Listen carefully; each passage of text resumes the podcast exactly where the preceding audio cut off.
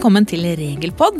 Det er podkasten for deg som er litt mer enn gjennomsnittlig interessert da, i spørsmål som dreier seg om lønn og personal. Eh, I dag med Vanja Ramsrud og Karianne Rovel Sørensen. Vanja, du har skrevet en artikkel på Community på vårt område der som heter 'Omsorgspenger hva gjelder nå?' Eh, og det tror jeg faktisk er spørsmål mange har stilt seg de, de siste ukene. Hva gjelder egentlig nå med disse Det er vel egentlig disse sykt barndagene det dreier seg om? Mm. Ja. Eh, vi har fått en del spørsmål om det på supporten, og det er ikke rart. For eh, i forbindelse med covid-19-pandemien så har det jo vært en rekke endringer for reglene om omsorgspenger. Og den siste fikk vi jo nå 1. juli. Eh, så Derfor har vi skrevet en artikkel om det, for å skape litt klarhet i hva er det egentlig som gjelder nå. Hvor mange dager har arbeidsgiver krav på? Hva er det arbeidsgiver skal eller kan få refusjon for? Eh, utgangspunktet da koronasituasjonen på en måte stengte ned Norge, var jo at omsorgspengene ble doblet fra i mars i år. Da kunne man på en måte bruke dobbel kvote, og det gjaldt sånn i utgangspunktet ut kalenderåret 2020. Men fra 1. juli så nullstilte man kvoten igjen. Og det det innebar, det var at eh, da startet arbeidstaker på nytt med vanlig kvote, som da skulle gjelde fra 1. juli og ut kalenderåret.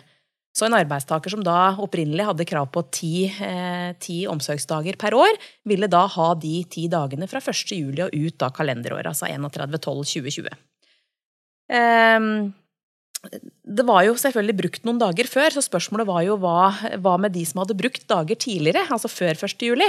Og da var jo svaret på det at de så man bort fra. altså Hadde du brukt f.eks. 15 dager frem til 1. juli, så hadde du fortsatt da ti dager du kunne bruke da fra 1. juli og ut kalenderåret. Så det var på en måte det som, det som skjedde der.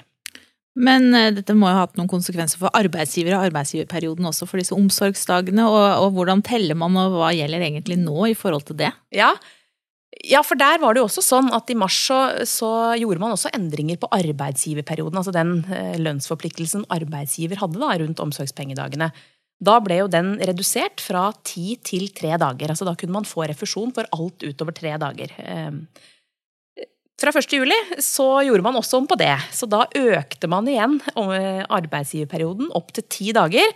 Så det betyr at fra 1. juli og ut kalenderåret nå så skal arbeidsgiver dekke de ti første dagene før man kan kreve refusjon fra Nav.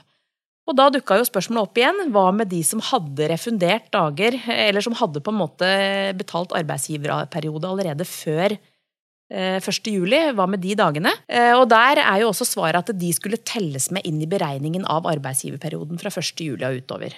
Så en arbeidsgiver som da allerede hadde betalt eh, tre dager for eksempel, med arbeidsgiverperiode som man ikke hadde fått refusjon for da, før 1. juli, hadde, vil da ha igjen syv dager å betale før man kan få refusjon da etter 1. juli ut kalenderåret. Ja.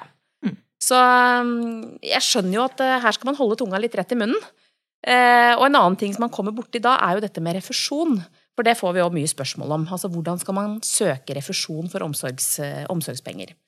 Eh, og det, har det ikke vært noe endring på. Sånn har det egentlig vært en stund. Dette at man bruker den digitale inntektsmeldingen. Det man skal være litt obs på, eh, nå som det har vært en del ulike regelsett, det er at hvis man skal søke refusjon for omsorgspengedager som både ligger før og etter 1. juli, så må man gjøre det på to inntektsmeldinger. Og grunnen til det er jo at det er ulike regelsett for hvor lang arbeidsgiverperioden er. Eh, så det må man huske på. To inntektsmeldinger hvis det er fravær før og etter 1. juli. Unntaket det er hvis man allerede har betalt ut full arbeidsgiverperiode, dvs. Si ti dager for 2020. Da kan man bruke én inntektsmelding når man sender inn. Så det er jo greit å ha med seg. Her er det bare å holde tunga rett i munnen. Rett og slett. Sa du at dette er tema på personalforum? Det gjorde jeg ikke, men det, det er det i aller høyeste grad. Det syns jeg du skal si. ja, absolutt. Det er et tema på personalforum. Ikke bare regelendringene i forbindelse med altså når det gjelder omsorgspenger, men også andre regelendringer som vi har fått i forbindelse med covid-19-pandemien, bl.a. på sykepengeområdet.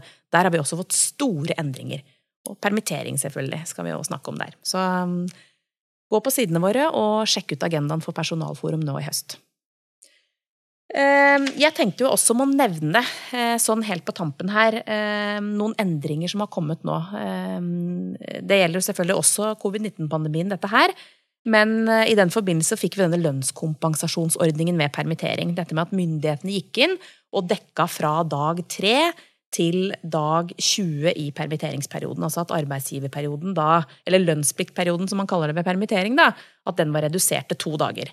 Den ordningen den opphørte 31. august, så den gjelder altså ikke lenger. Så permitteringer som iverksettes nå, der har vi helt andre regler som gjelder. 1. september så økte man jo også lønnspliktperioden til arbeidsgiver opp til ti dager. Så det er det som gjelder nå for permitteringer som, som iverksettes. Der betaler da arbeidsgiver de første ti dagene, og så er det da dagpenger som blir det neste for arbeidstakeren, som da er permittert.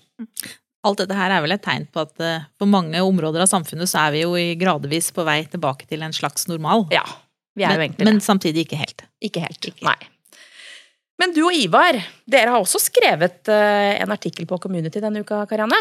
Ja, på Vismasit Community så har jo vi vårt eget område, og der prøver vi å legge ut litt eh, nyheter. Og på en måte, hvis vi får eh, spørsmål som er litt sånn aktuelle i tiden, eller sånn vi får mye av på support. Og et spørsmål som på en måte har eller en problemstilling da, som alltid har vært der, men som kanskje har blitt aktualisert litt nå med, med alle disse koronaproblemstillingene, det er jo når når en ansatt ikke er på jobb og ikke får lønn, eh, men, men samtidig beholder en naturalytelse.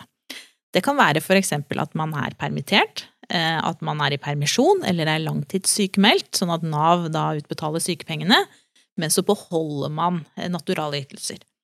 Naturalytelser, det er jo eh, egentlig lønn i form av noe annet enn penger. Eh, hovedeksemplene er kanskje fri bil, eh, det at arbeidsgiver dekker telefonregningen, og ikke minst forsikringer. Hva gjør man da hvis man har disse naturalytelsene som ansatt, eh, eller de ansatte har naturalytelser, men ikke har lønn? Da står man jo i den situasjonen at man skal beregne et forskuddstrekk av disse skattepliktige naturalytelsene, men så har man jo ikke noen penger da, eller kontante midler å holde tilbake og innbetale forskuddstrekket.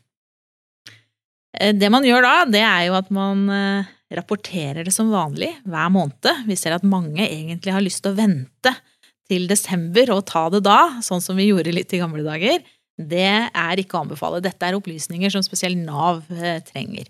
Så er det en fri bil, f.eks., hvor det er ofte en, en, ganske høy verdi, så rapporter som vanlig eh, til, i avmeldingen hver måned.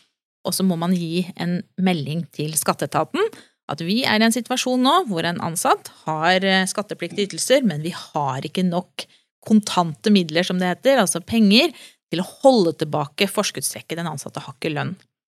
Da er det opp til, arbeid, opp til skatteetaten å bestemme eh, hva de gjør med det. Da har man på en måte dytta ballen bort til de, altså får de skrive ut forskuddsskatt eller endre skattekort, eller hva de velger.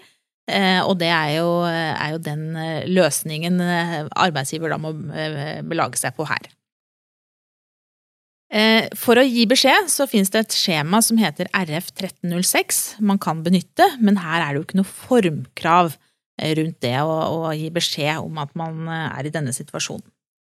Det vi ofte ser i samband med den problemstillingen, som ofte kommer i forkant, det er jo både når man er permittert og er i permisjon, er hvilken rett den ansatte har til å beholde naturalytelsen når man eh, er permittert eller i permisjon eller langtidssykemeldt.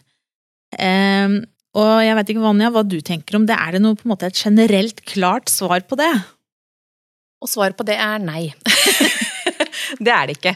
Eh, her vil det være avtalen som styrer, det er utgangspunktet i de situasjonene der. Men akkurat når det kommer til dette med permittering, da, som kanskje er veldig aktuelt i disse dager, så tenker jeg jo at eh, det å ha en naturalytelse er jo også en del av lønna di. Blir jo gjerne sett på som det. Eh, og permittering innebærer jo egentlig at arbeidsgivers lønnsplikt opphører. Og så kan man kanskje si at da gjelder jo også det kanskje den naturalytelsen som man har.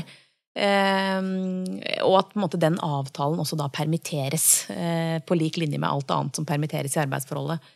Men det er klart at avtalen kan bestemme annet. Men jeg tenker jo at det for permitteringssituasjonen da, at man kanskje kan legge seg på det, hvis ikke annet er sagt klart og tydelig.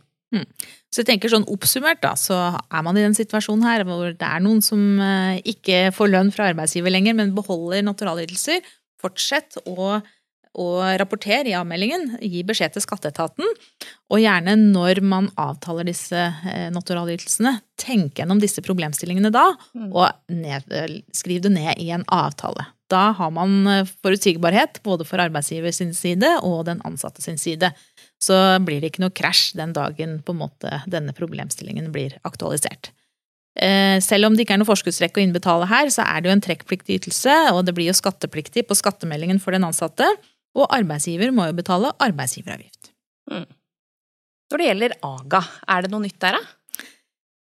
Der har det jo vært litt nytt gjennom hele året. Eh, akkurat nå så er det egentlig ikke noe nytt. Eh, vi hadde jo annen termin hvor det var utsatt frist, og så fikk vi jo tredje termin hvor, eh, hvor fristen er utsatt til 15. oktober, og vi hadde eh, redusert sats ikke sant, med fire prosentpoeng.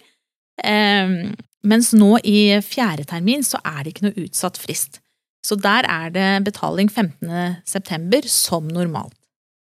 Eh, Jeg prøvde å sjekke litt om det er noen som har fått eh, noe krav fra skatteetaten på eh, arbeidsgiveravgiften for termin tre nå.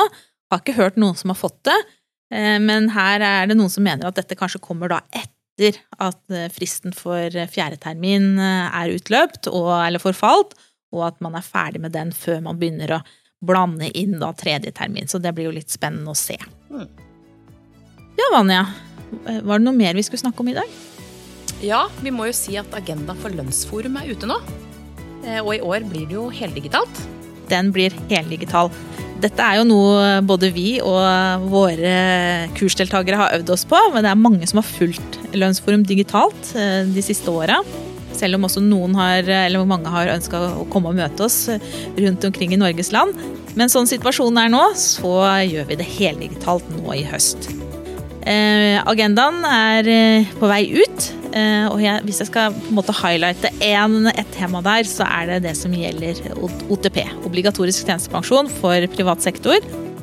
Det er jo en problemstilling alle som er borti lønn, eh, eh, er, eh, er omfatta av. Der kommer det en ny, eh, eller en endring i forhold til hvordan man rapporterer grunnlaget for, for beregning av fakturaen. Så det er noe alle på en måte må spisse ørene litt på nå i høst. Og med det så er det, gjenstår det vel egentlig kanskje bare å si takk for i dag. Tusen takk for oss.